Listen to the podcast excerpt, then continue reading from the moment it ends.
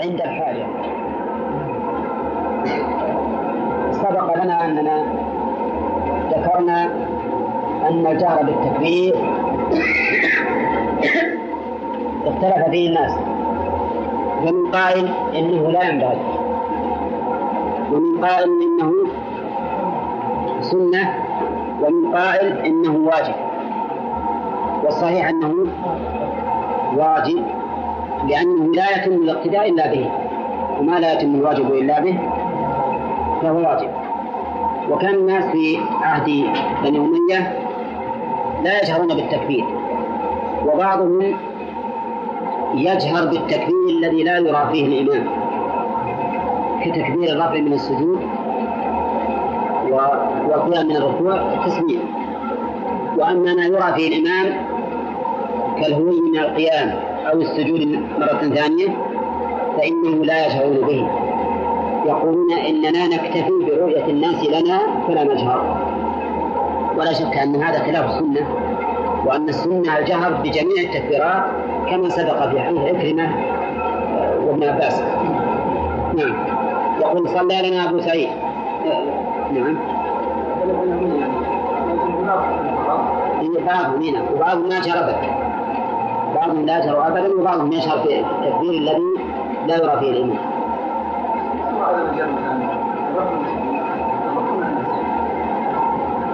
صحيح ما العلم ما يمكن الاقتداء غير ممكن ولهذا صحيح أنه يجب الجهل.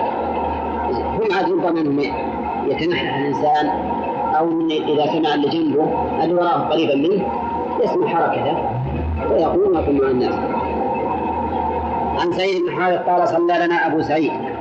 فجهر بالتكبير حين رفع رأسه من السجود وحين سجد وحين رفع وحين قام من الركعتين. وقال هكذا رأيت النبي صلى الله عليه وسلم رواه البخاري وهو لأحمد بلفظ أبسط من هذا. صلى لنا يعبر دائما بصلى لنا إذا كان إماما. إذا كان إمام وقال صلى لنا. وهذه أخص من صلى بنا. لأن صلى بنا تفيد أنه إمامنا لكن صلى لنا تفيد أن صلاته هذه لنا. ولهذا أشرنا فيما سبق إلى أنه يجب على الإمام إيش يجب عليه؟ أن يراعي أكمل الحالات في الصلاة. لأنه لا يصلي لنفسه فحسب ولكن يصلي لنفسه ولغيره. الإنسان مثلا إذا صار إمام يجوز أن يقتصر على أقل الواجب ويجوز أن يطول أكثر مما ورد في السنة. مما رخص فيه النبي عليه الصلاة والسلام كما قال إذا صلى أحد من نفسه فليصلي ما شاء فليطول ما شاء. لكن إذا كان يصلي لغيره إماما فإنه لا يجوز أن يقتصر على أقل الواجب. ولا يجوز أن يطيل على ما جاءت به السنة فهمتم ولا لا؟ لماذا؟ لأنه راع ووال والراعي والوالي يجب عليه أن يفعل ما هو أحسن حتى في الأمور المالية ولا تقربوا مال اليتيم إلا بالتي هي أحسن فالإنسان مثلا يتصرف في ماله يتصرف بالهدية والهبة والصدقة وغير ذلك لكن ما يفعل هذا في مال اليتيم وشبه ممن له ولاة عليه لأن ذلك ليس تصرفا بما هو أحسن. وعلى كل حال يجب أن نعرف الفرق بين تصرف الإنسان لنفسه وتصرفه لغيره لا في العبادات ولا في المعاملات. ولهذا نقول إن العالم أو طالب العلم يجب عليه من مراعاة السنن ما لا يجب على غيره. لأنه يقتدى به يمكن مثل العام لو ترك سنة أو ما أشبه ذلك. قلنا لا يلام عليه. لكن إذا كان عالما يقتدى به فإنه بلا شك يجب عليه من مراعاة السنة ما لا يجب على غيره. إذا كان عالما أو طالب علم كتابه لأنه في الحقيقة أسوة وقدوة. ويدل على هذا أن الرسول عليه الصلاة والسلام يجب عليه الأمور المشروعة ولو كانت سنة في حق في حق الأمة لو كانت من السنة لأن التبليغ لا يصح إلا بذلك. ولقول النبي عليه الصلاة والسلام بلغوا عني ولو آية. فالمهم أن كل من كان فعله كبلاغا كبلاغ قلنا هذه كاف ما كل من كان فعله بلاغا فإنه يجب عليه أن يراعي بذلك أكمل ما يكون. لا وأن لا يخل بالأمور المطلوبة شرعا لأنه يقتدى به فيها اللهم إلا. إذا بين يعني افرض أنه ترك شيء ولكن بين للناس. فبيانه بالقول يكفي عن بيانه بالفعل. طيب صلى لنا أبو سعيد. في هذا في الجهر بالتكبير حين الرفع من السجود. وحين السجود وحين الرفع من السجود أيضا وحين القيام من الركعتين. وأظن إنما نص على ذلك إنما نص على ذلك لأنهم كانوا لا يجهرون به في عهدهم في عهد سعيد بن الحارث. ولهذا أكد أبو سعيد رضي الله عنه بأنه رأى النبي صلى الله عليه وسلم يصنع هكذا. حتى لا لا يعترض عليه المعترض. يستفاد من هذا الحديث قلنا التكبير في هذه المواضع ويستفاد به أيضا تأكيد الحكم الشرعي بنسبته إلى النبي صلى الله عليه وسلم لقوله هكذا رأيت النبي صلى الله عليه وسلم. ويستفاد به أيضا أنه ينبغي الإنسان أن يدفع عن نفسه ما يخشى من القول. من ناخذه؟ من قوله هكذا رأيت. فإن الإنسان إذا جاء بما يخالف ما عليه الناس فينبغي أن يأتي بالدليل الذي ينفي عن نفسه قول الناس فيه. وإلا كان معرضا نفسه للكلام. وهو ليحمد بلفظ أبسط من هذا. وعن جابر قال اشتكى رسول الله صلى الله عليه وسلم فصلينا وراءه وهو قائد وأبو بكر يسمع الناس تكبيره رواه أحمد ومسلم والنسائي وابن ماجه. اشتكى بمعنى مرض. بمعنى مرض. وسمي المرض شكوى لأن حال المريض الشكوى إلى الله سبحانه وتعالى بما علم به من المرض. وإن لم يشتكي لفظا. لا يقول يا ربي أشكو إليك ما نزل بي من المرض. لكن حاله تقتضي ذلك ولهذا سمي المرض شكوى.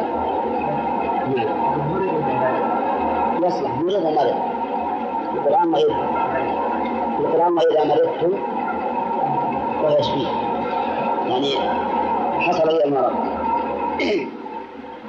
فصلينا وراءه. وهو قاعد. وصلوا قياما ولا قعودا؟ صلوا قياما.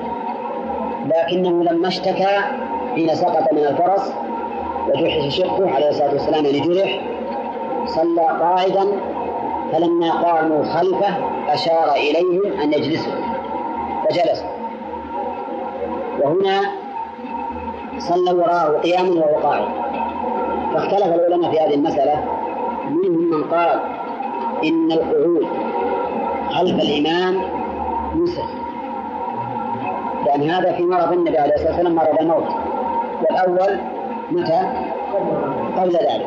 فيقول إنه يسر ومنهم من قال بالجمع. وهو الإمام أحمد رحمه الله. وكيفية الجمع؟ قال إن السورتين مختلفتان. وما دامت السورتان مختلفتين فإنه يجب أن ينزل حكم كل واحدة على ما تقتضيه هذه الصورة فقال إن النبي صلى الله عليه وسلم حين صلى بهم في سقوطه من الفرس ابتدأ بهم الصلاة قاعدة. فكان مقتضى الموافقة إيش؟ أن يكونوا قعودا. وأما في مرض موته فقد ابتدأ أبو بكر رضي الله عنه الصلاة قائما وشرعوا فيها قياما.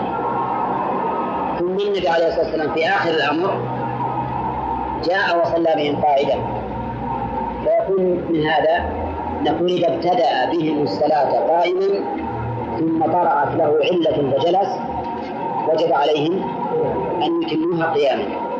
لأنهم ابتدعوها قياما ولا يمكن أن تكون الصلاة بدون سبب شرعي. أولها قيام وآخرها قعود. هذا جمع حسن لا شك. هذا جمع حسن. لأنه يجمع بين الدليلين وذلك لاختلاف الصورتين. طيب وأبو بكر يسمع الناس تكبيرا لأن النبي صلى الله عليه وسلم لمرضه كان لا لا يتمكن من رفع الصوت بحيث يسمعه من وراءه.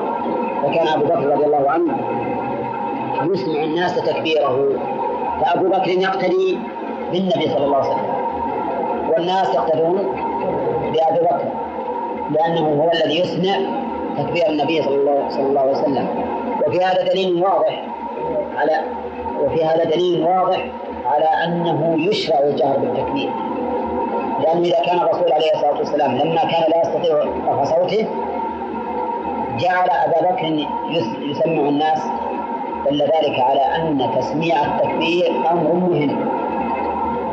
وقوله المؤلف يقول لحاجة لحاجة منه أنه إذا لم يحتج إلى ذلك فإن فإن التبليغ لا يسمى إذا صار ما في حاجة أن المؤذن يبلغ مع الإمام فإن التسميع التبليغ لا يسمى وش السبب؟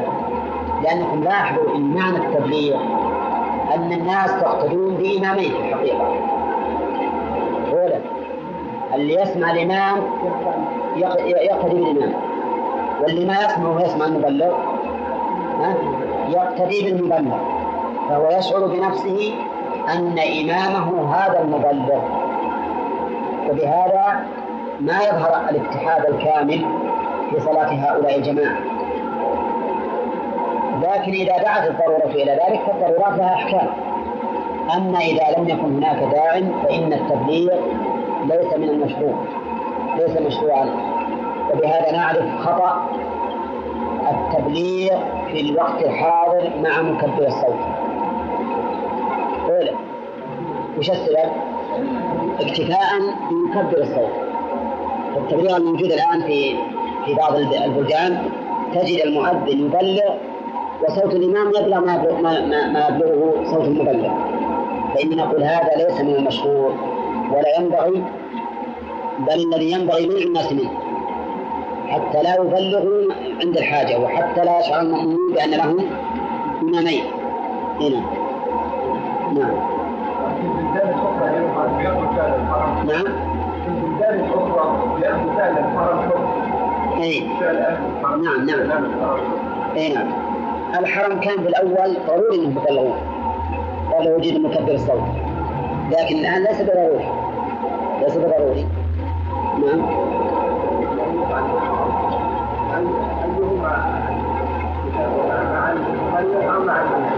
لا تكون مع الإمام يكبرون مع الإمام لأن المبلغ الآن محمول مثلكم لا أصل التبليغ التبليغ مع كون صوت الإمام يبلغ المؤمنين هذا ليس بمشروع ولا ولا يتخذ من هذا الحديث حجة له لأن قوله وأبو بكر يسمع الناس تكبيره فلا ما يسمعون الناس إذا كان الناس يسمعون صوت الإمام فلا حاجة بالمبلغ ولهذا ينبغي منه هذه المسألة. طيب غير غير التكبير. هل المأمون يجهر بهذا التكبير؟ الجواب لا. ولهذا قال الفقهاء رحمهم الله انه يكره للمأمون أن يجهر بشيء سوى التكبير والتحميد للحاجة. حتى الفقهاء قيدوها بالحاجة. كما يفعله بعض المؤمنين الآن من جهرهم بالدعاء أو بالتسبيح هذا أمر منهي عنه لأنه يشوش على, على الذي بجنبه. بل ربما يشوش على الإمام. أحيانا يجهر بعض المؤمنين جهرا يخل على الإمام نفسه. وقد سبق أن النبي صلى الله عليه وسلم قال لقد علمت أن بعض بعضكم خرج منه حيث شوش حتى على الإمام. قد يقول بعض الناس أليس النبي صلى الله عليه وسلم في صلاة السر كما في حديث أبي قتادة يسمعهم الآية أحيانا؟ وش الجواب؟ نعم. نقول هذا خاص بالإمام النبي عليه الصلاة والسلام يسمعهم أحيانا في السرية كما أنه يسمعهم دائما في الجهرية. هذا خاص بالإمام ولا يقول قائل أنا أصلي كما كان النبي صلى الله عليه وسلم يصلي بقوله صلوا كما رأيتموني يصلي فإنه يقول نعم. أنت صل كما رأيت النبي عليه الصلاة والسلام يصلي. فإذا كنت إماما فاصنع كما يصنع الرسول عليه الصلاة والسلام بالنسبة للإمام طيب يستفاد من هذا الحديث أولا عدم التبليغ عن الإمام وأنه هو مشروع وثانيا جواز التبليغ للحاجة جواز التبليغ للحاجة وثالثا أن النبي صلى الله عليه وسلم بشر. يلحقه ما يلحق البشر من المرض والصحة والضعف والقوة وغير ذلك. رابعا أن المأمومين يصلون قياما إذا كانت إذا كان الإمام ابتدأ بهم الصلاة قائما فإنهم يتمونها قياما ولا يجلسوا. بخلاف ما إذا ابتدأ بهم قائدا فإنه فإنهم يجلسون. والرابع أو الخامس وهو من من أهم ما يكون من فوائد الباب آه، الحديث أن المشروع الجهر بالتكبير.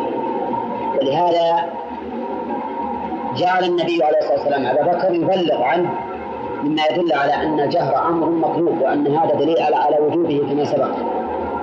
والمسلم والنسائي قال صلى بنا رسول الله صلى الله عليه وسلم الظهر وأبو بكر خلفه فإذا كبر كبر أبو بكر يسمعنا نعم.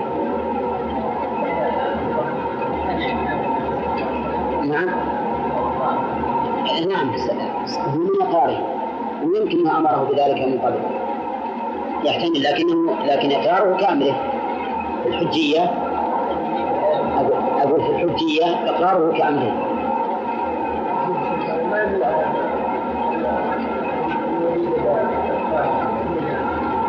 ما يدل عليه؟ ما يدل عليه؟ أنتم يدل ولا ما يدل؟ ما يدل معلوم لأن الرسول جاء في أثناء الصلاة. القصة؟ أن أبا بكر رضي الله عنه ابتدأ بهم الصلاة قائما لم قيام فجاء النبي صلى الله عليه وسلم في أثناء الصلاة حتى وقف في مكانه ثم كان أبو بكر إلى جنبه يسمع الناس. باب هيئات الركوع. عن أبي مسعود عقبة بن عامر كذا عندكم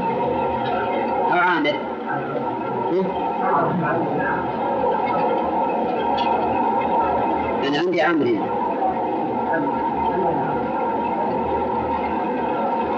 عن ابي مسعود عقبة بن عمرو أنه ركع. فجافى يديه ووضع يديه على ركبتيه وفرج بين أصابعه من وراء ركبتيه وقال هكذا رأيت النبي صلى الله عليه وسلم يصلي رواه أحمد وأبو داود والنسائي. اعلم أن جميع أعضاء الإنسان لها عمل في الصلاة. كل عضو من أعضائك له عمل. وقلبك أصل هذا كله. القلب هو المدبر. لكن من حكمة الله أن الله جعل لكل عضو في البدن عملا في الصلاة. لأجل أن أولا لأجل أن تتساوى هذه الأعضاء في حركة الصلاة. وثانيا لأجل أن الإنسان ينتبه. لأنك لاحظ إذا صار عندنا تبي تركع مطلوب منك استواء الظهر وتسوية الرأس به ووضع اليدين على الركبتين وتفريج الأصابع وإبعادهن عن الجنبين. إذا كان كل هذا مطلوب منك وش يقتضي أن تكون منتبها لأجل أن تؤدي لكل عضو وظيفته وهذا من حكمة الله سبحانه وتعالى أنه جعل لكل عضو في الصلاة وظيفة حتى يكون الإنسان دائما يشتغل ويتابع ولا ولا ولا يلهو ولا يسمع. آه، فمثلا الركوع فيه السنن. الواجب من الواجب من الركوع الانحناء بحيث يكون إلى الركوع المعتدل أقرب منه إلى القيام المعتدل. هذا الواجب. وبعضهم حدد ذلك فقال بحيث يمكن وسط مس ركبتين مس ركبتين بيديه. يعني معناه إذا صار الإنسان وسط. إيش معنى وسط؟ وسطا في طول اليدين وفي طول الظهر. إذا صار بحيث يمكن نصف ركبتين بانحنائه نعم فهذا حد الركوع. وبعضهم قال لا هذا حد منه منضبط ولا دليل أيضا عن النظافة وإنما نقول ركع إذا كان إلى الركوع المعتدل. أقرب منه إلى القيام المعتدل فقد ركع يعني إذا انحنى بحيث يعرف الناس أن هذا انحنى ركوع فهذا هو الواجب. ما زاد على ذلك فهو من مكملات الركوع من مكملاته. فمنه مجافاة اليدين. إيش من مجافاتهن؟ انك تبعدهن عن جنبين. تبعدها عن الجنبين. وأنا أرى إن الشرع يريد من المصلي أن يتسع حتى ثوب من النبي عليه الصلاة والسلام أن الإنسان إذا سجد يكف ثوبه أو يكف شعره إذا كان له شعر يعني ضفائر فإنه منها أن الإنسان يكف شعره أو ثوبه. لماذا؟ لأجل أن يشغل مساحة أكبر في عبادة الله سبحانه وتعالى. كذلك أيضا في المجافآت بدل ما كنت بتشغل مقدار جسمك إذا جافيت فبتشغل مقدار الجسم والمجافاة أيضا. وهذا مما يدل على أن الشارع يرغب في أن نشغل مساحة أوسع بالنسبة للصلاة. كذلك يقول ووضع يديه على ركبتيه. وكان ذلك آخر الأمرين لرسول الله صلى الله عليه وسلم. وكان في الأول يؤمرون بالتطبيق. يطبق إحدى يديه على الأخرى ويضعهما بين ركبتيه أو بين فخذيه. هكذا يقول أو هكذا ويضعهما بين فخذيه. هذا في الأول ثم نسخ لكنه خفي على ابن مسعود رضي الله عنه فما زال يعمل بالتطبيق إلا أن الأمر الواضح الصحيح الصريح أن هذا أمر مسح طيب يضع يديه على ركبتيه وفرج بين أصابعه من وراء ركبتيه. فرج بين أصابعه من وراء ركبتيه لأنك إذا فرجت بين أصابعك تطلع من وراء ركبتيه تطلع من وراء الركبتين فهذا مما يسن في الركوع. مما يسن الإنسان يضع يديه على ركبتيه مفرجتي الأصابع ويجافي عبديه عن جنبيه. طيب لماذا أو ما هي الحكمة في ذلك؟ أما المجافاة فبينا الحكمة فيها. وأما وضع اليدين على الركبتين فلأنه أمكن. ولأنه أمكن في الركوع. لأنك لو لم تضعهن لكان يلحقك السآمة والملل بسرعة. وكذلك لو وضعتهن مضمومات كذا. ليس في الاستقرار مثل ما إذا فرجت. لأنك إذا فرجت التقمت الركبة تماما وتمكنت يدك من ركبتك. فهذا لأجل التمكين والاستقرار. وقال هكذا رأيت النبي صلى الله رسول الله صلى الله عليه وسلم يصلي رواه أحمد وأبو داود والنسائي.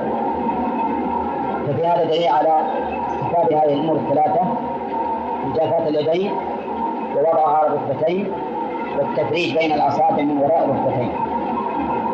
وفي هذا أيضا دليل على التعليم بالفعل. من ناخذه هكذا رأيته يصلي. ما قال هكذا؟ قال رأيته يصلي. وفي هذا دليل على أن فعل النبي صلى الله عليه وسلم حجة. لأنه احتج به. لأنه احتج به وهو مشرع. وعلى هذا الحديث السابق أن النبي صلى الله عليه وسلم قرأ إذا زلزلت الركعتين كلتيهما قال فلا أدري أنسي أم فعل ذلك عمدا. إيش نقول؟ بل فعله عمدا لأن الأصل التشريع. وفي أيضا دليل على فوائد التعليم بالفعل. لأن التعليم بالفعل يرتسم في الذهن ولا يزال الإنسان يتصوره. بخلاف القول فإنه ينسى وما يدرك بالإحساس أبلغ مما يدرك في الذهن. ما يدرك الإحساس أبلغ مما يدرك بالذهن ولهذا تجد الأعمال التي يتعلمها الإنسان من صغره أو في كبره. لا ينساها الرماية والسباحة والسباق ما هو ينسى ذلك لأنه يعتمد على الأمر على الأمر الحسي دون الأمر الذهني. وفي حديث رفاعة بن رافع عن النبي صلى الله عليه وسلم قال وإذا ركعت فضع راحتيك على ركبتيك. رواه أبو داود. أمر والأول فعل. هذا أمر والأول فعل. فيدل ذلك على تأكد هذا الأمر. على تأكد وضع الراحتين على الركبتين. لماذا سميت راحة؟ نعم. هذه راحة اليد. سميت راحة لأن الإنسان يستريح عليه. الإنسان يستريح عليه. وكثير من الناس أيضا يتفق بها. الناس يتفق بمعنى أن يتكي عليها هكذا مثل ما يتكي على مرفقه نعم. وعن مصعب وعن مصعب بن سعد قال صليت إلى جنب أبي فطبقت بين كفي ثم وضعتهما بين فخذي فنهاني عن ذلك. وقال كنا نفعل هذا وأمرنا أن نضع أيدينا على الركب. رواه الجماعة. طيب. هذا ما أشرنا إليه سابقا. أنه كان في أول الأمر عند الركوع يطبق الإنسان. يطبق إحدى كفيه على الأخرى ويضعهما بين فخذيه. ولكن هذا الحديث صحيح وصريح بأن الأمر مثل كنا نفعل هذا فأمرنا أن نضع أيدينا على الركب. فدل ذلك على أن الأمر منسوخ وأنه زال هذا الحكم. يستفاد من هذا الحديث زيادة على ما تقدم جواز النسخ في الأحكام الشرعية. من يؤخذ؟ من أنه كان بالأول تطبيق ثم عاد الأمر إلى وضع اليدين على الركب. ومثل ذلك مثل الذي نسخ ولم يعلم به ابن مسعود وقوف الإمام مع الاثنين. فإن وقوف الإمام مع الاثنين يكون أمامهما ولكنه في أول الأمر يكون بينهما وابن مسعود خفي عليه النص فصار رضي الله عنه يقف بين الرجلين ولا يتقدم عليهما. طيب وفي هذا دليل على جواز النص قلنا. آه وفيه أيضا دليل على أنه لا بد من العلم بتأخر الناسخ لقوله كنا نفعل هذا فأمرنا كنا نفعل فأمرنا فدل ذلك على أنه لا بد أن يكون الناسخ متأخرا عن المنسوخ إذا لم يعلم بالتأخر فإنه لا يجوز القول بالنفي ولهذا تجد بعض العلماء غفر الله لنا ولهم إذا أشكل عليهم وجه الجمع بين النصين قالوا هذا منسوخ. وهذا خطر جدا لأننا لو لو لو, لو اعتمدنا على هذا الأمر لوجدنا كثيرا من الآيات ومن الأحاديث التي ظاهرها التعارض منسوخ مع أن النص في الحقيقة لو تأملته لوجدته لا يعدو عشرة أحكام. أو نحو ذلك. ما يعدو هذا الحد. أما كل كلمة أشكل علينا وجه الجمع أن والله هذا منسوخ ليس بصحيح.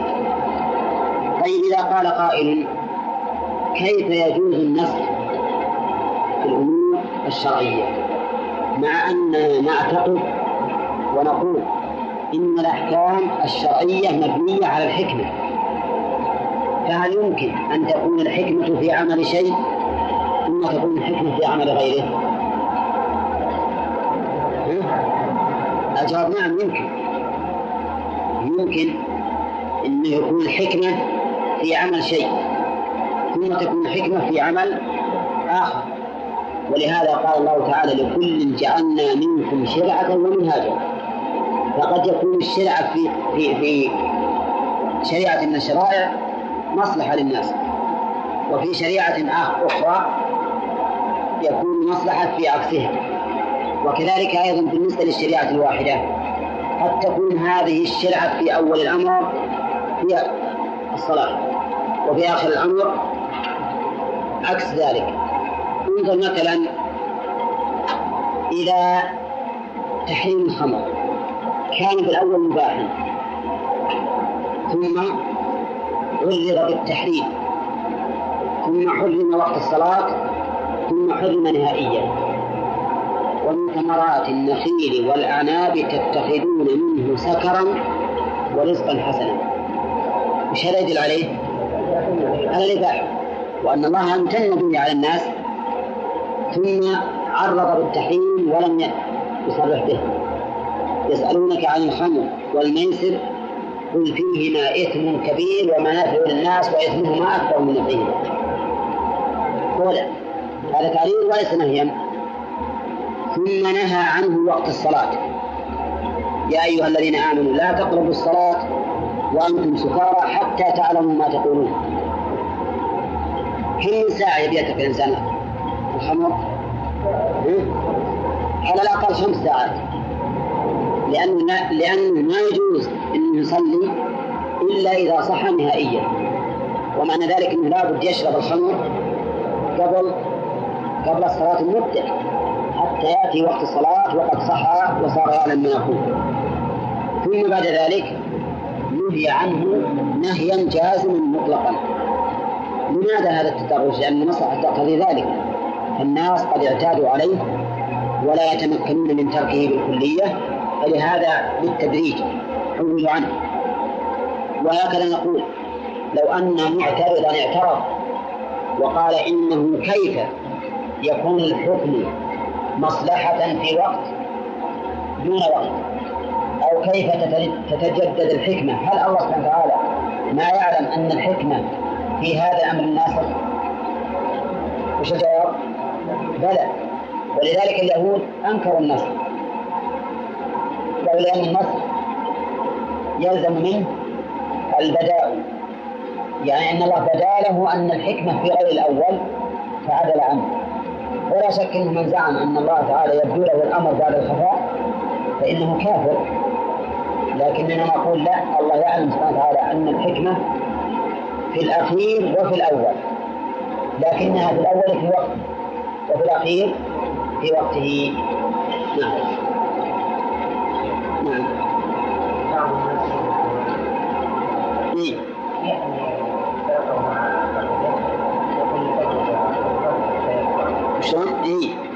إذا هذا ليس بسنة. يعني انه ينعكس اي اي نعم لا هذا ليس بسنة. ما؟ اي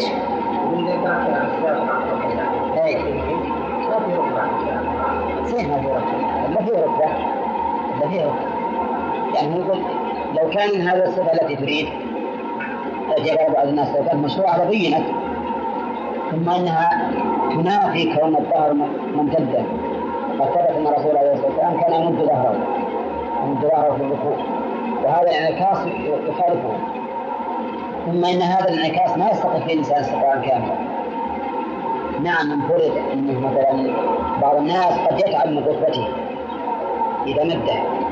فيحتاج إلى انه ينعكس لأجل اثبت إذا احتاج إلى ذلك لا بأس. وإلا في الأصل أن اليد قائمة أن الرجل قائمة وأن الظهر مستوي وهذا لا يتصور إلا اذا إذا مد فخذه. هنا نعم. لا الأولى مراعاة الجماعه يعني في مثال الحال لو فرض أنه إذا جاف يضيق على الذي بجنبه ويشغله فإننا نقول له لا تفعل. هنا يا عبد الرحمن. إنما نقول من مثال من عبد الرحمن.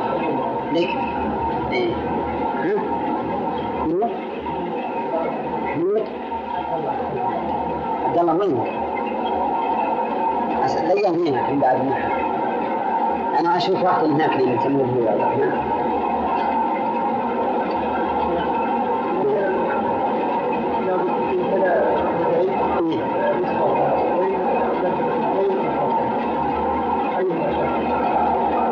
لا يقدم استواء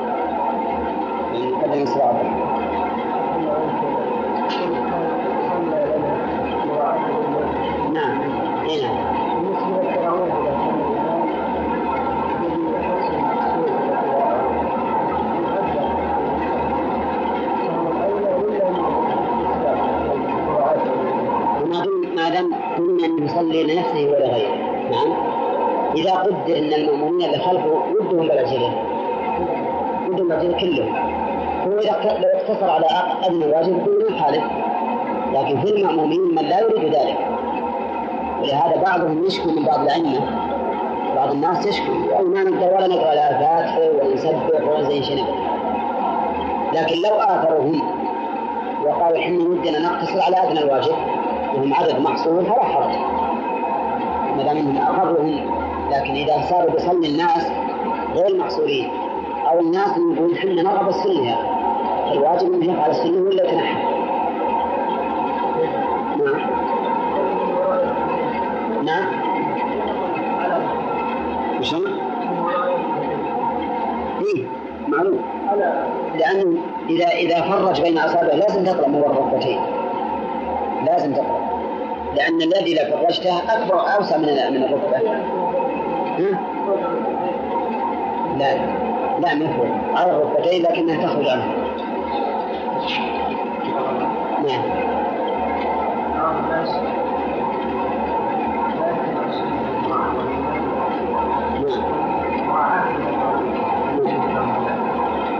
إذا علم أن هذا مما يختاره الناس فلا حرج.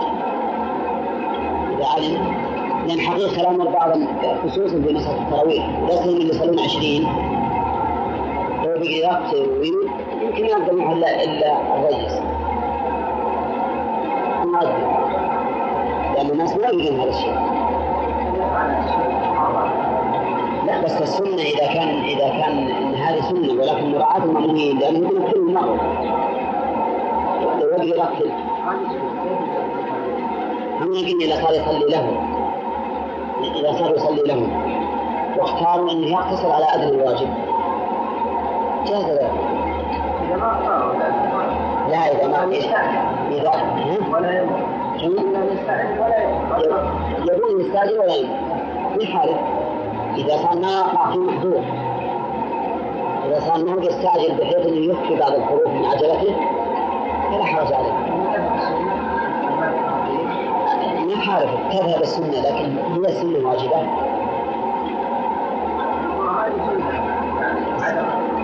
لكن أليس يجوز أن الإنسان لو صلى لنفسه أن يسرع ولا يرتب نفس الشيء هذه ما دام المؤمنين يقولون أن نرغب أن تسرع ولا ترتب فإنه لا بأس أن يتبع أما لو كان فيهم أحد يقول لا إننا بالسنة. ينبغي مراعاة السنة حتى لو قال الثانيين ما بالسنة على أن المسألة هذه عندي فيها نظر لأن النبي عليه الصلاة والسلام راعى أحوال الناس في مخالفة السنة. مثل إيش؟ صلاة العشاء. فإن الرسول أخبر بأن أفضل وقت العشاء الأفضل آخر الوقت. لكنه قال لولا أن أشق فإذا قدرنا أن هذا الرجل إذا رتل يبي يشق على المؤمنين ونفرهم فلا ينبغي هذا الشيء.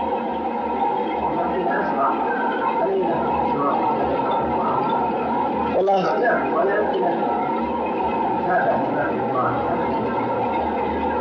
ما أدري السرعة اللي تقول هذه لأن من تتابع بعد من يتابع من سرعته هذا شيء يمكن يخل بالقراءة لعله إذا كان يسرع سرعة ما يمكن متابعته يظن أنه ما يخلو من إسقاط بعض بعض الكلمات أو الحروف وهذا ما يجوز كل سرعة توجد أن القارئ يسقط بعض الحروف والكلمات حينما تجوز سواء كانت صلاة ولا غير صلاة نعم نعم لا لا الواجب مو معنى أدنى الواجب سبحان الله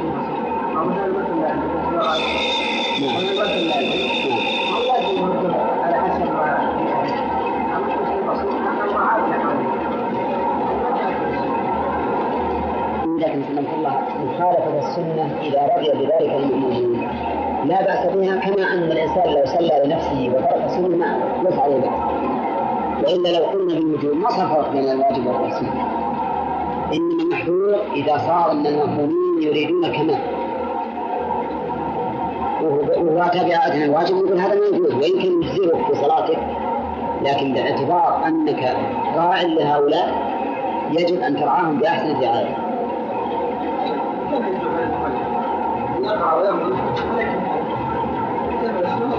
يمكن يمكن. يمكن لكن بعض الناس ما يكسم نفسه إلا كل ختم القرآن. ولهذا نجاء الإمام اللي ما ختم يصير في كلام الناس.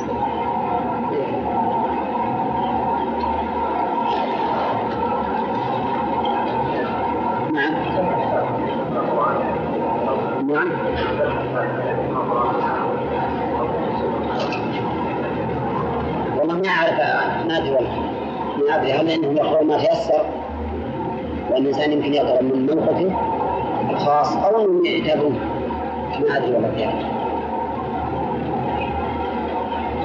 يلا. محمد. صار من نائم صاحب. فيه أخوك مو بيجي لك من يوم يصل أحمد مسافر أجل حسن بنا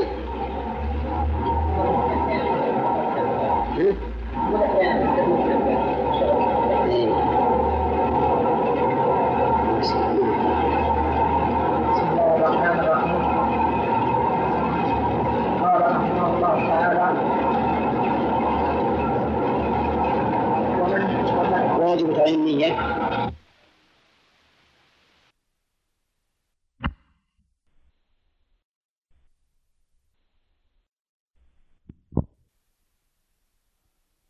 أقرب من انتقاله من الذراع إلى ما تحتوي نعم. فعلى كل حال هذه المسألة الصحيح في هذه المسألة أن يرجع في هذا إلى ما جرت به العادة إلى ما جرت به العادة. إلا في الشيء الذي لا يمكن كشفه إلا بفتنة. بفتنة متوقعة أو لازمة. هذا لا يجوز. طيب يبقى النظر في غير المحارم ممن تبتلى بهم المرأة. وهم غير محارم. والمرأة تبتلى بهم. مش مثل مثل أخوة الزوج. إذا كان إنسان عنده في البيت أخ. وطبعا كل واحد من الأخوين له زوجة. على المشهور من المذهب إنه ما يجوز أن تبدي لا كف ولا وجه ولا قدم ولا غير وأن هذا الرجل مثل الرجل اللي في السوق. ولو أخذنا بهذا في الحقيقة للحق الناس نعم حرج كبير. يقول للمرأة إذا صار به أخو زوجك لازم ما يطلع منس ولا ولا ظفر ولا شعرة هذا في الحقيقة فيه مشقة وحرج. ولهذا الصحيح في هذه المسألة أن مسألة الكف والقدم مما يظهر مما يشق التحرز منه لا بأس به. لا بأس به. أما الوجه فلا يجوز لأن التحرز منه ممكن بخلاف الكف والرجل. وهذه امرأة تعمل بالبيت. تسبع مثلا وتفرش وتكنس كيف تبي تتحرز من, أخي زوجها؟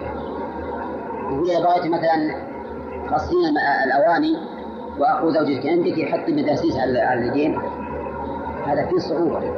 لهذا نقول أن ما يشق التحرز منه من إظهار القدم والكف. فالصحيح أنه لا بأس به وقد جرى وقد مشى على ذلك بعض فقهاء الحنابلة. وقال في الإنصاف أنه ما يسعى الناس العمل إلا بهذا. وهذا صحيح ما ما يسعى الناس العمل إلا بهذا الشيء. اللهم نعم. شرحنا هذا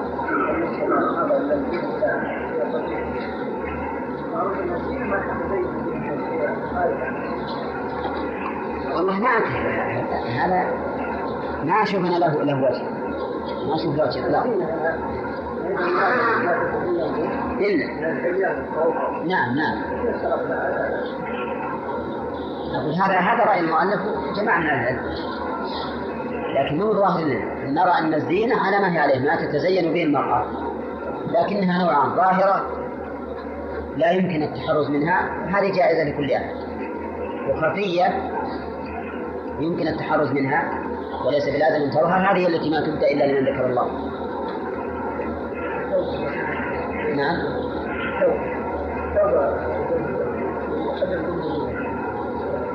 جميلا. إيه ما يجوز. تجمل ما يجوز. زي ما هو إيش؟ الزينة؟ هي التي لا تظهر لا لا تظهر المرأة يعني هي التي لا يمكن الزينة الظاهرة هي التي لا يمكن إلا أن تظهر مثل الجلباب مثل ما مثل به ابن مسعود الجلباب والرداء والعباء وما أشبه هذا شيء لا بد من ظهوره والخفية هي ما يستر بهذه عادة يعني عند الناس إذا بغت تطلع المرأة في السوق مثلا تلبس ثياب ثيابا غير الثياب اللي تلبسها في بيتها.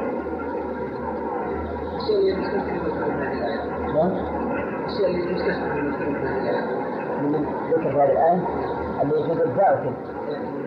لمن ذكر هذه الآية ثياب الجمال. ثياب الجمال من الزينة الخفيفة. التي ما جرت على النساء المؤمنات الآن الخليعات شنو كان؟ وكل ثياب تجمل ومنها الكلي مثلا شبهه من حلاب المرأة. هذه كلها ما تكفي على أن مسألة الناس الآن بالحقيقة؟ تطبيق الأمور الشرعية عندهم صعب جدا لأن مسألة الحلي أيضا واردة علينا. مسألة الحلي واردة. وهي موجودة الآن بكثرة في في بيوت الناس مع زوجة الأخ وما أشبه ذلك زوجة العم مشكلة التحرش صعب نعم قوله ولا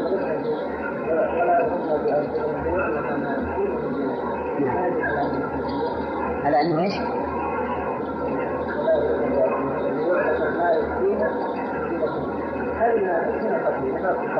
اي نعم القلادة هي نعم. ما تبدأ إلا لمن ذكر الله. إلا لهؤلاء. ما تبدأ إلا لهؤلاء. نعم. ما تبدأ إلا لهؤلاء.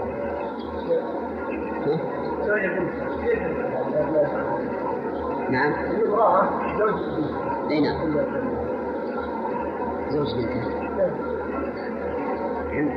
زوج البنت يعني قصده.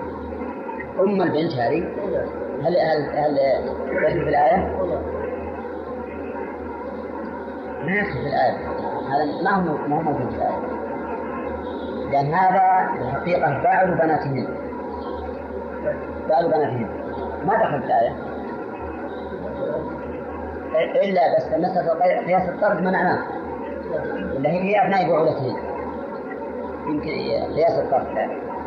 يقول إذا كان ابن زوجة يجوز. فزوج بنتها مثله لكن قلنا هذا ما يمكن نقيس لأننا لو فتحنا باب القياس لقلنا أيضا العم الخال يجوز التعزية له لأنه مثل آه، ابن الأخ. ابن الأخ.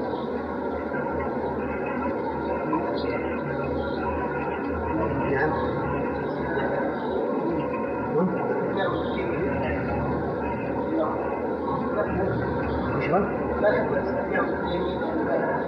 الحكم من هذا والله أعلم مشقه التحرز منه. لأن لأنه ما يمكن التحرز منه خادمها موت يمينه. ما يمكن التحرز ومع ذلك هو ليس بمحرم هو ليس بمحرم يعني لو أراد أن يسافر بها ما سافر إلا بمحرم له لكن يجوز ابداء الزينة الخفية له لأن هذا أمر لا يمكن التحرز منه.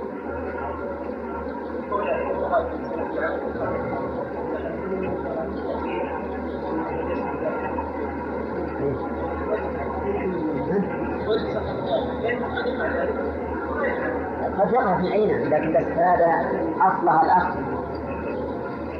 لو وقع منه لأن تصير هي عامة. وكذلك لكن لكن نبغى ابن الأخ أيضا لو وقع منه تكون هي عمته عمته هذا السلام يعني ما أنا أحد من الأقارب أبناء يجوز التزوج به إلا العموات هذا ولا كل من ذكر فإن فروعهم لا يمكن أن يتزوجوا به.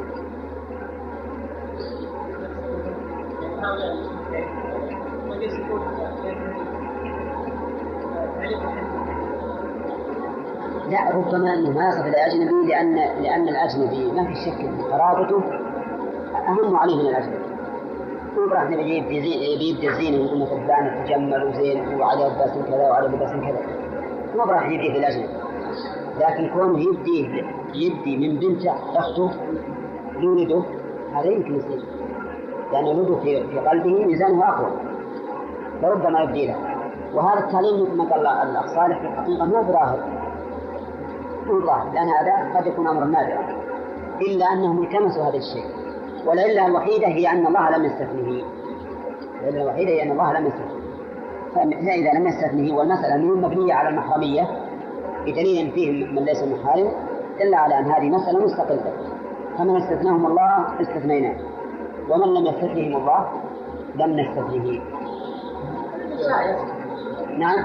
إذا أراد واحد يتزوج لا هذا وصف لكن هذا وصف الزينة التي خلقها الله عندما تأتي الخاطب التخطب إنما كل مرأة تبي تجي مثلا ويمكن يقع تجي تقول زوجها مثلا والله مرة فلان عليها البس الفلاني وعليها قش وعليها كذا وعليها هذا يمكن يقع.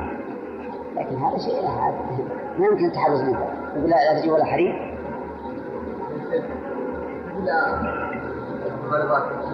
ها؟ بدل حاجة شلون؟ المرضات اي حج لكن إذا بدل الإنسان حاجة إذا بدل حاجة لا لا لكن هل يمكن؟ يمكن أن حصل. ولا بعد الممررات من يقتصن على ما على ما أجازه أهل العلم. أهل العلم ما يجوزون إلا الوجه والكفين فقط. اللي يبيحون هذا الشيء. وإن أظن منهم يطلع الوجه والكفين فقط؟ الرأس والرقبة والرجلين إلى فيركب نعم. لو قلنا نعم. نقول من ذكر نعم. ما نقدر نحكم على الله. نقول أراد كذا. يقول مسألة هذه الآية ولا يبدين زينتهن إلا لكذا وكذا هذا نص عام استثني من هذا. نعم نعم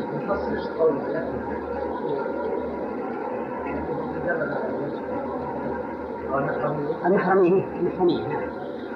والمحرمية إبداء الوجه واليدين وما أشبه ذلك هذا ثابت بالنص ثابت. ولهذا النبي قال قال لزوجاته آه، انظرن من إخوانكم فإنما الرضاعة من المجاعة.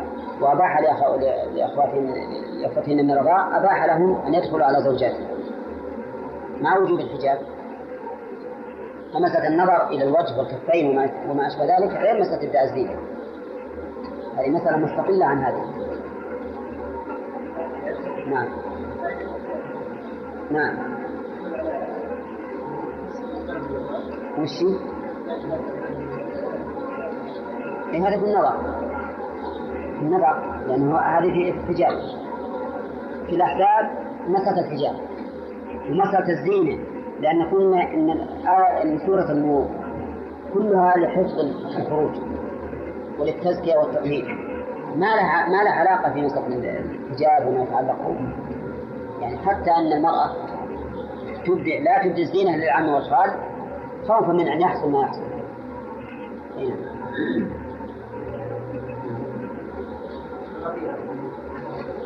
نعم. شلون؟ نعم. إيه؟ اقرأ الآية. إلا لبعولتهن أو آبائهن أو آباء بعولتهن أو أبنائهن أو أبناء بعولتهن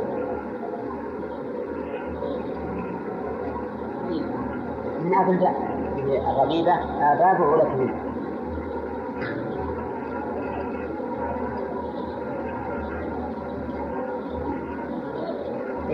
يعني أبو زوجها. أبو زوجها. فهي زوجة ابنه كذا. هي هذه تصور هذه المسائل. قد يكون فيه خفى على على الإنسان الربيبة يعتبر الزوج بعل أمه. ولا لا؟ بعل أمه. فهل يدخل في الآية ولا ما يدخل؟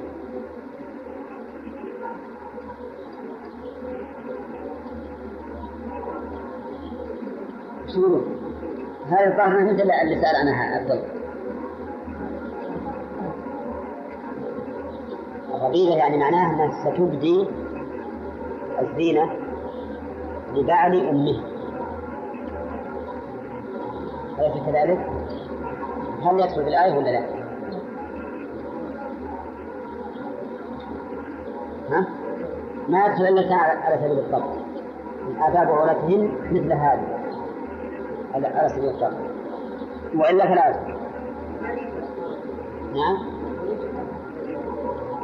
ما خالف من يقول الحرب من إيش تبدي وجهها ويديها ومثل ذلك لكن لا تجي لها متجملة.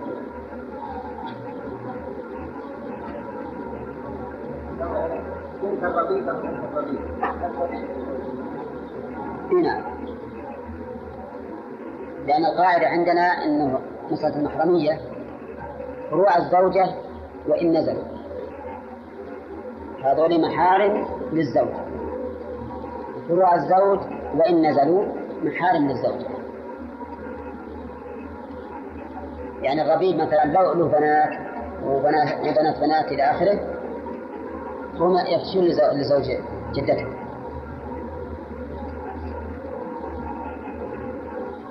نعم. نعم. الربيب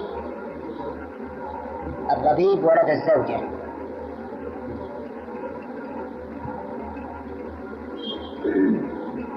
نعم سمع يا سلام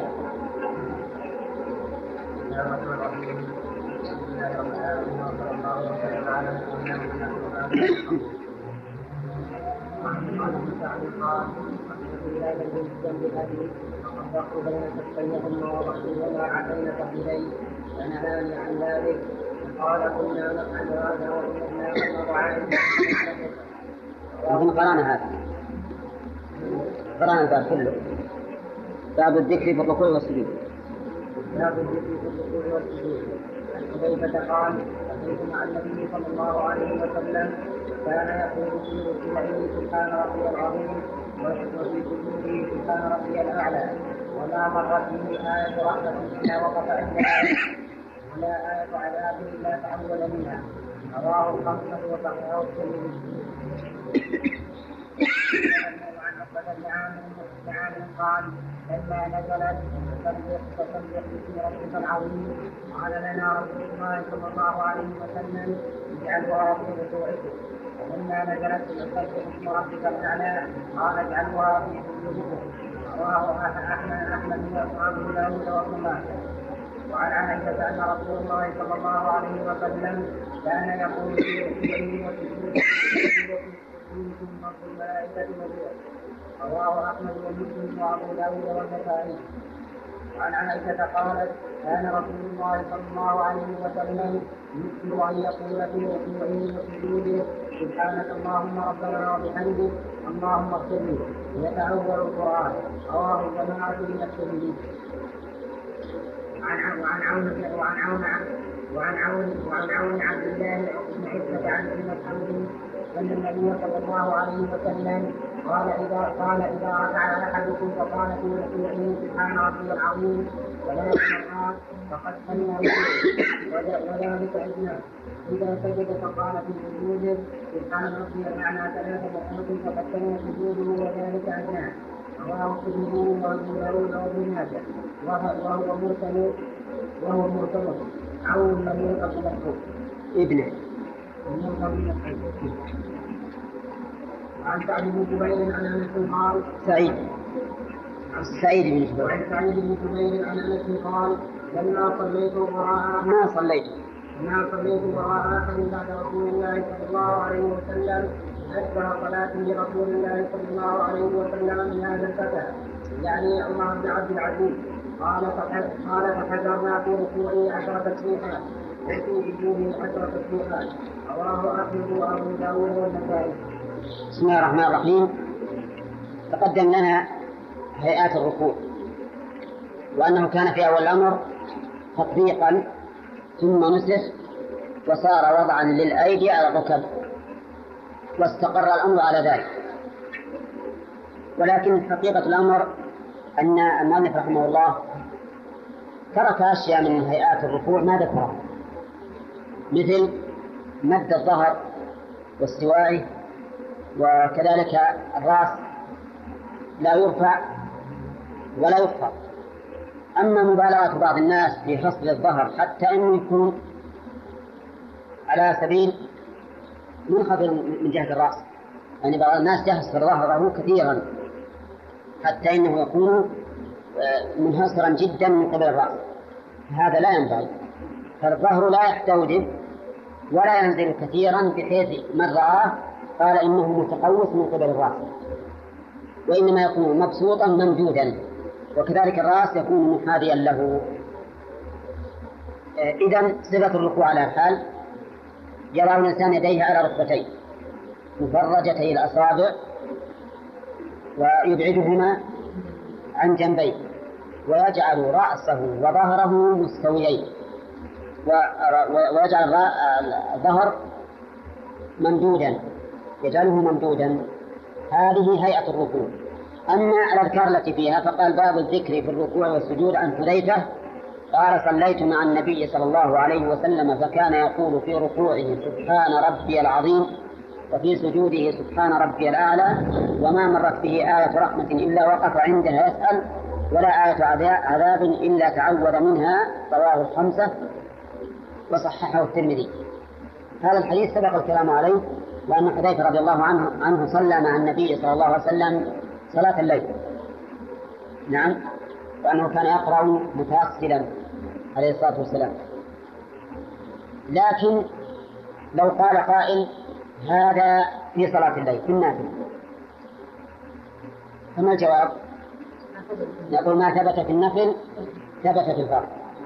إلا بدليل. وعلى هذا فسبحان ربي العظيم وسبحان ربي الأعلى ما ورد ما يدل على انتفائهما في صلاة الفرض.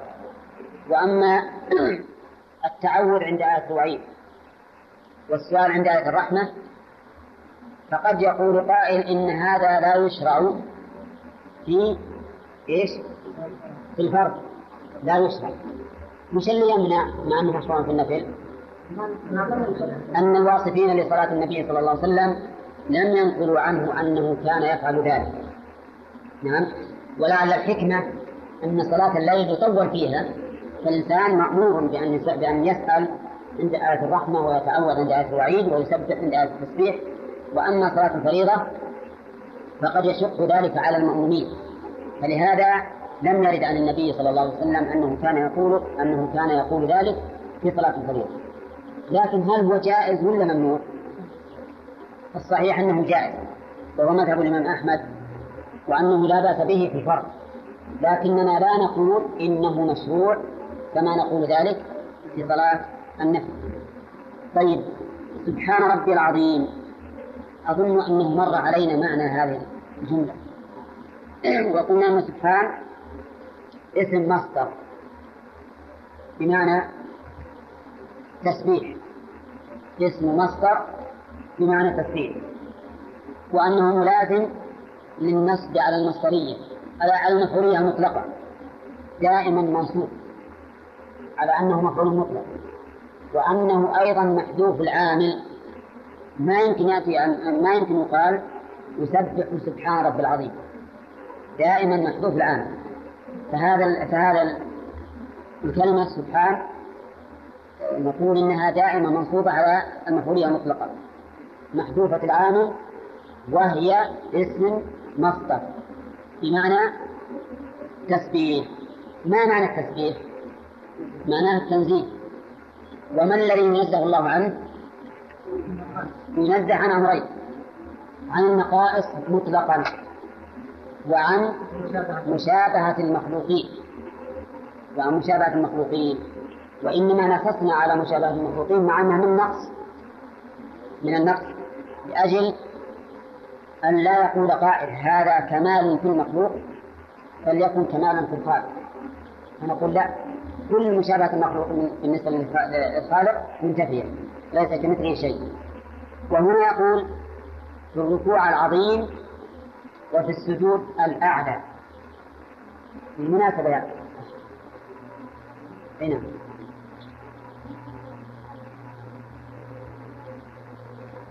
طيب أحمد.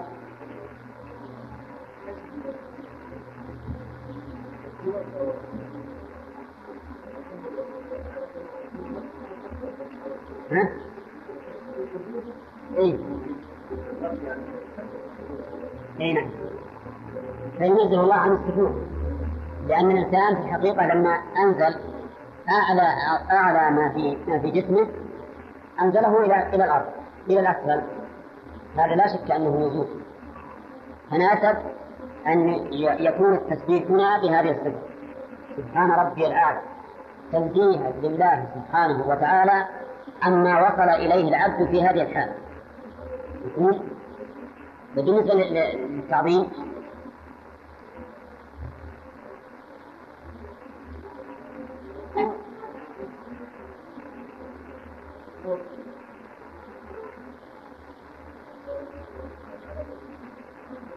هنا. نعم لأن لأن الامتناع الامتناع خضوع وذل. الامتناع خضوع وذل. ولهذا عندما يواجه الإنسان شخصا يعظمه ويجله وإن كان هذا حرام في الإسلام لكنه تجد يخضع له. فالركوع بمعنى الخضوع والذل. ولهذا يقول يقول الشاعر لا تهين الفقير علك أن تركع يوما والدهر قد رفعه. لا تهين الفقير علك أن تركع يوما والدهر قد رفعه. تركع بمعنى تذل وتخضع. فلما كان الركوع ذل وخضوع ذلا وخضوعا ناسب أن تقول سبحان ربي العظيم الذي لا يلحقه الذل ولا الخضوع تبارك وتعالى. فصار كل تسبيح مناسبا لما يقال فيه. كالتعظيم مناسب للركوع والعلوم مناسب للسجود. والعلوم مناسب للسجود. طيب وقوله سبحان ربي الأعلى الأعلى هذه صفة مشبهة ولا اسم تفضيل؟ نعم. هل هي اسم تفضيل بمعنى الأعلى من كذا أو صفة مشبهة بمعنى أنه الثابت له العلو المطلق؟ الظاهر أنها صفة مشبهة وأنه سبحانه وتعالى من صفته أنه الأعلى بغير تقدير منه لأن التفضيل يقدر منه والصفة المشبهة ما حاجة إلى تقدير منه. لأن المراد أنه بلغ في العلو غايته. بلغ في العلو غايته. طيب. علو الله جل وعلا في الصفات متفق عليه. ولا أحد ينكره. لكن في الذات ينكره الجهمية والمعتزلة والأشعرية.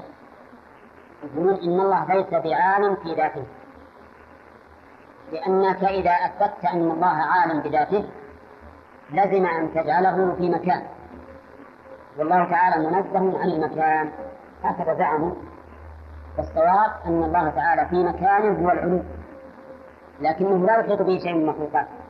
ولهذا النبي عليه الصلاة والسلام وهو أعلم الناس بربه. مش قال للجارية قال أين الله؟ وأين يستفهم بها؟ عن عن المكان. ولهذا قالت في السماء فأقرها النبي صلى الله عليه وسلم على ذلك بل قال لمالكها أعتقها فإنها مؤمنة. وكان صلى الله عليه وسلم يخطب الناس يوم عرفة في أكبر جمع للمسلمين ويقول ألا هل بلغت؟ ويقولون نعم. فيقول اللهم اشهد. يرفع في السماء وينكبها على الناس. اللهم اشهد يعني على هؤلاء. اني بلغت فهذا الصحيح أن الله تعالى بل الواجب على كل مؤمن أن يعتقد أن الله تعالى فوق كل شيء بذاته وانه جل وعلا هو العلي الأعلى بذاته وصفاته. كان أبو المعالي الجويني رحمه الله وعفى عنه ممن ينكر العلو علو الذات جعل يتكلم في إنكارها وفي حسب زعمه وفي تحقيق ذلك. فقال له أبو العلاء الهمداني دعنا من ذكر العرش. دعنا من ذكر العرش لأن استواء الله على عرشه دليله سمعي مو بعقله. دليله سمعي والشيء اللي دليله سمعي يمكن للمحرف أن يحرفه ويقول المراد به كذا. قال دعنا من ذكر العرش. لكن أخبرنا عما نجده في نفوسنا. ما قال عارف قط يا الله إلا وجد من قلبه أو قال بقلبه ضرورة بطلب العلوم. فأخبرنا عن هذه الضرورة. فجعل يلتم على رأسه ويقول حيرني الهمدان يكرر حيرني حيرني. وش السبب؟ يعني جاء دليل عقلي فطري. أي إنسان يقول يا الله ومن يقبله؟ للعرف أبدا. ما تلقى واحد يقول يا الله ومن يقبله الأرض أبدا. ولا يمين ولا يسار. ما يذهب إلا إلى إلى السماء. فالحاصل أن علو الله جل وعلا بذاته أمر فطري عقلي شرعي. يعني دل عليه العقل والشرع والفطرة. نعم. الشاهد من هذا أن النبي صلى الله عليه وسلم كان يقول في ركوعه سبحان ربي العظيم وفي سجوده سبحان ربي الأعلى وعلى هذا فهذان الذكران مشروعان في موضعهما. التعظيم في الركوع والعلو في السجود. وبينا وجه المناسبة. وعن عقبة بن عامر قال لما نزلت فسبح باسم ربك العظيم قال لنا رسول الله صلى الله عليه وسلم اجعلوها في ركوعكم. فلما نزلت سبح اسم ربك الأعلى قال اجعلوها في سجودكم. رواه أحمد وأبو داود وابن ماجه. وهذا تفسير من رسول الله صلى الله عليه وسلم. لموضع هذا هذه الآية؟ قوله تعالى فسبح باسم ربك العظيم. فسبح باسم ربك العظيم. أمر للنبي صلى الله عليه وسلم والأمر موجه للرسول صلى الله عليه وسلم. أمر له ولكم إما على سبيل الأصل أو على سبيل التأثر فهمتم؟ فقلنا إما على سبيل الأصل يعني الخطاب موجه لهم أصلا وإما على سبيل التأثير هل هناك فرق بين بين القولين ولا لا؟ نعم. لا. يعني إذا قلنا الخطاب الموجه للرسول صلى الله عليه وسلم موجه للأمة من باب الأصل أو من باب التأثر نعم.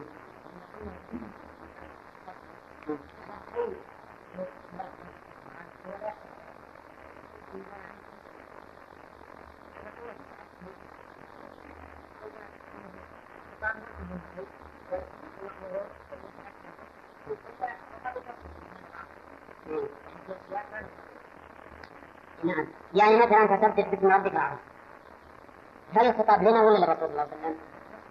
لكن أصلا للرسول عليه الصلاة والسلام، لكن هل يشملنا أصلا بمعنى الخطاب موجه للرسول ولنا أيضا؟ أو نقول لا ان ما نقول سبحان رب العظيم بناء على هذه الآية. نقول سبحان رب العظيم بناء على قوله تعالى لقد كان لكم في رسول الله أسوة حسنة. أما على القول بأننا وجه للرسول وهو موجه للأمة أصلا فيقولون نحن نقول سبحان رب العظيم إيش بناء عليه؟ بناء على هذه الآية. بناء على هذه الآية. على القول بأنه يشمل الأمة من باب التأثير ما يكون من هذا الحال ما على هذا القول نقول ما ما ما يكون هذا الخطاب لنا فيه نصيب أبدا. وإنما نقول كان ربي العظيم ها؟ تأسيا لقوله لقد كان لكم في رسول الله لكن الصحيح الأول. أن الخطاب الموجه للرسول صلى الله عليه وسلم يشملنا أصلا يشملنا أصلا. دليل ذلك من الشرع قوله تعالى يا أيها النبي إذا طلقتم النساء فطلقوهن. الخطاب لمن؟ يا أيها النبي. ثم عم. إذا طلقتم النساء. هذا من الشرع. من العقلية أنك عندما تقول للقائد إنسان قائد تحته جماعة من إذهب إلى الثغر الفلاني هذا الأمر له ولا له ولجنوده؟ له ولجنوده لو مثل هذا الرجل ذهب الحارب بعد الثغر. هل يعد ممتثلا؟ ها؟ لا أنت تقول يذهب إلى الثغر. أنا عبد حالي الجنود كله مناسب مع الجيش هل يعد ممتثلا ولا لا؟ لا يعد ممتثلا ولذلك الصحيح أن الخطاب الموجه للنبي صلى الله عليه وسلم موجه له وللأمة أصلا.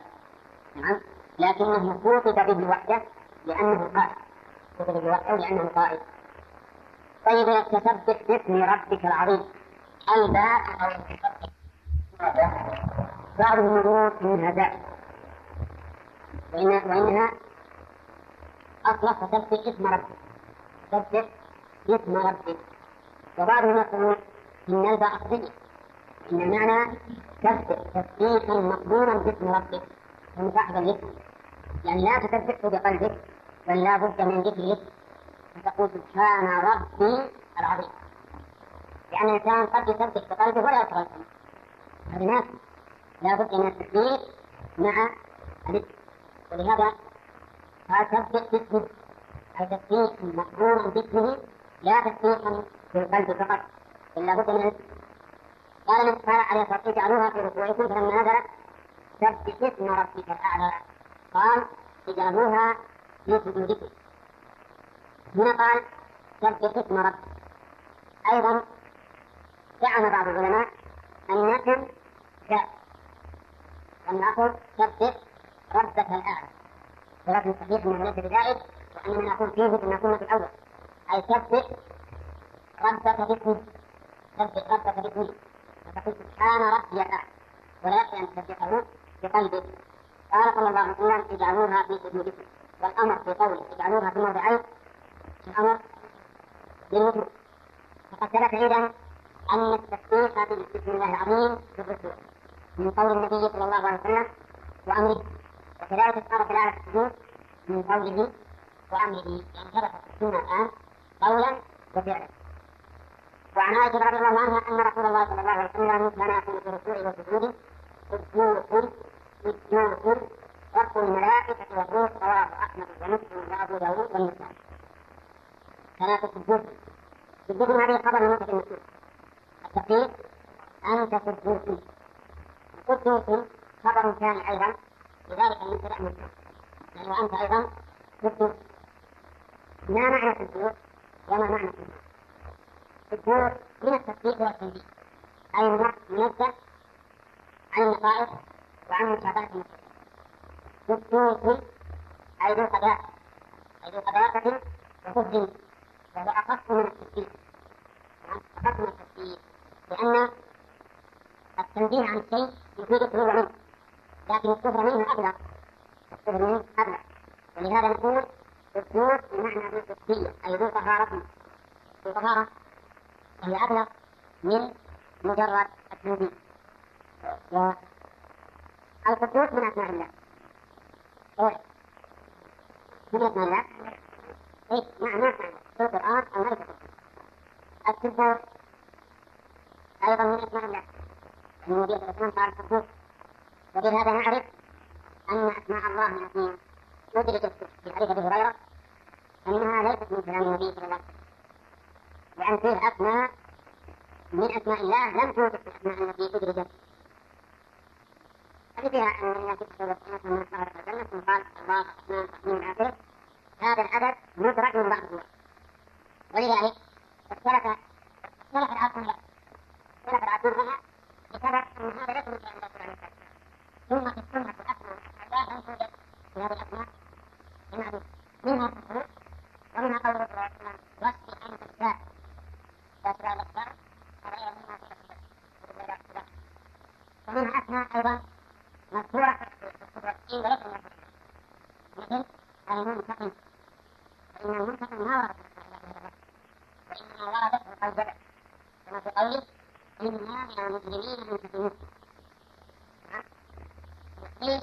لأن المنتقم على سبيل الإطلاق ليس فيه شيء من النقص الثاني لكن من المجرم المنتقم في نفس الوقت لأنه وضع الانتقام في محله ولا يرد على هذا قوله تعالى والله عزيز ذو انتقام يعني قال النكرة